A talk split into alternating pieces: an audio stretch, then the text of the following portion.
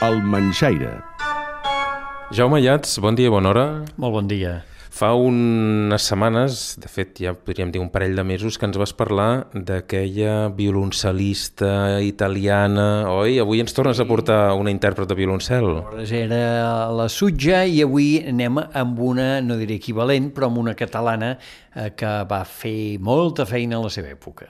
Aurora Bertrana, Bertrana, aquest cognom de ressonàncies literàries, oi? Esclar, us sona, us sona perquè era la filla eh, de l'escriptor Prudenci Bertrana, eh, nascuda a Girona el 1892, i ella també va ser escriptora.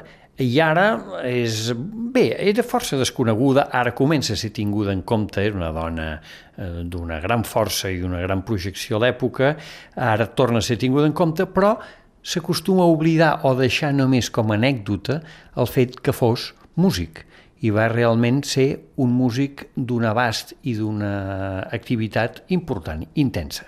Situem el personatge? Sí, mira, jo li faré, no, no, no et diré una mica de biografia, però repassem la, la història seva una mica. D'entrada, hem de dir que va ser una feminista avançada, avançada al seu temps.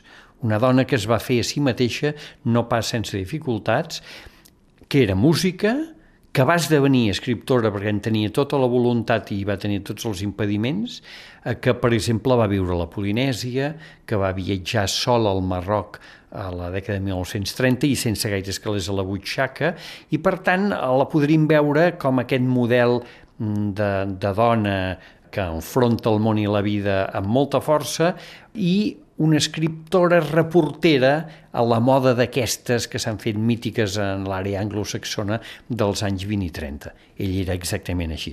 La guerra del 36 i la Segona Guerra Mundial van estroncar segurament aquest futur brillant i van fer que hagués de dedicar-se bé, es va dedicar bàsicament a la literatura. Però anem a la música. Avui el que toca és parlar d'aquest seu abast musical.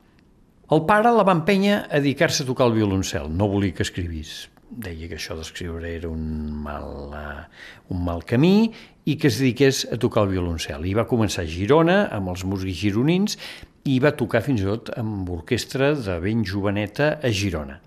Però després la van enviar a estudiar a Barcelona, va estudiar a l'Acadèmia ENO, amb Cassià Casdemont, que seguien la via belga dels instruments de corda, la de Crick Boom i companyia.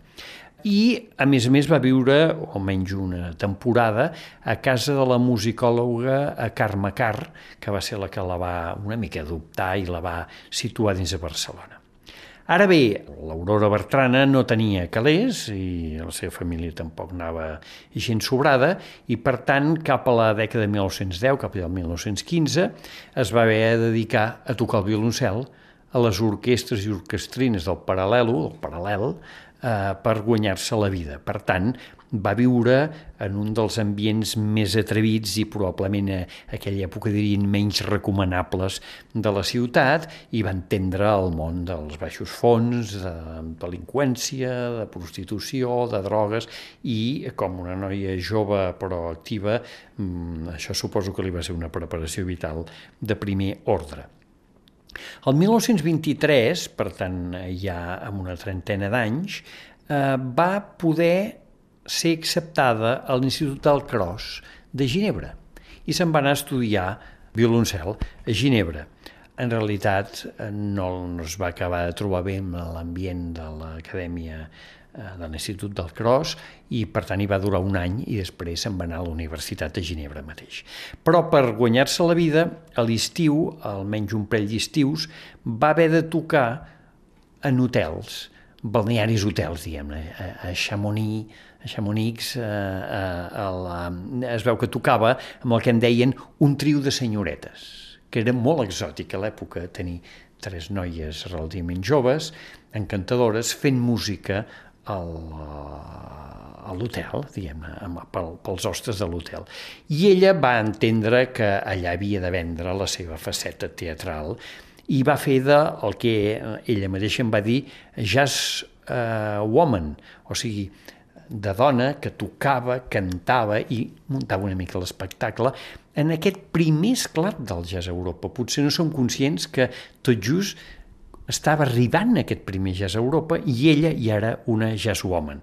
I a més a més feia arranjaments de partitures i muntava una mica l'espectacle amb la pianista, la eh, violinista i la cel·lista.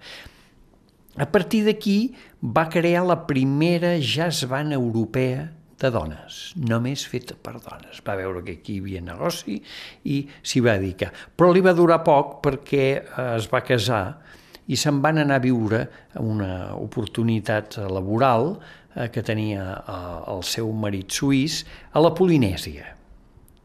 I per tant, Tahití va tenir uns mesos, uns anys d'experiència vital inaudita, hauríem de dir, a l'època, i hi va escriure Els paradisos oceànics, un dels seus primers llibres i el, dels més aclamats. Eh, després torna, torna a Catalunya, cap a l'any 31 o 32 eh, eh, hi ha indicis que munta una orquestra de jazz i de ball, també només de dones, que eh, el nom seria Feminal, eh, que corre per les festes majors de Catalunya, i que es dediquen a explotar el que ella ja havia experimentat a Suïssa, eh, però la guerra ho, ho atura tot, sembla que definitivament, i per tant la seva activitat musical queda completament deixada a banda i a partir de llavors es dedicarà bàsicament a la literatura, a escriure i farà una llarga carrera d'escriptora. Després de molts anys i retornada a Catalunya des de principis de la dècada de 1950, va morir a l'Hospital de Berga l'estiu de 1974, però havent deixat publicades, entre moltes altres novel·les, unes memòries que són molt interessants des del punt de vista musical.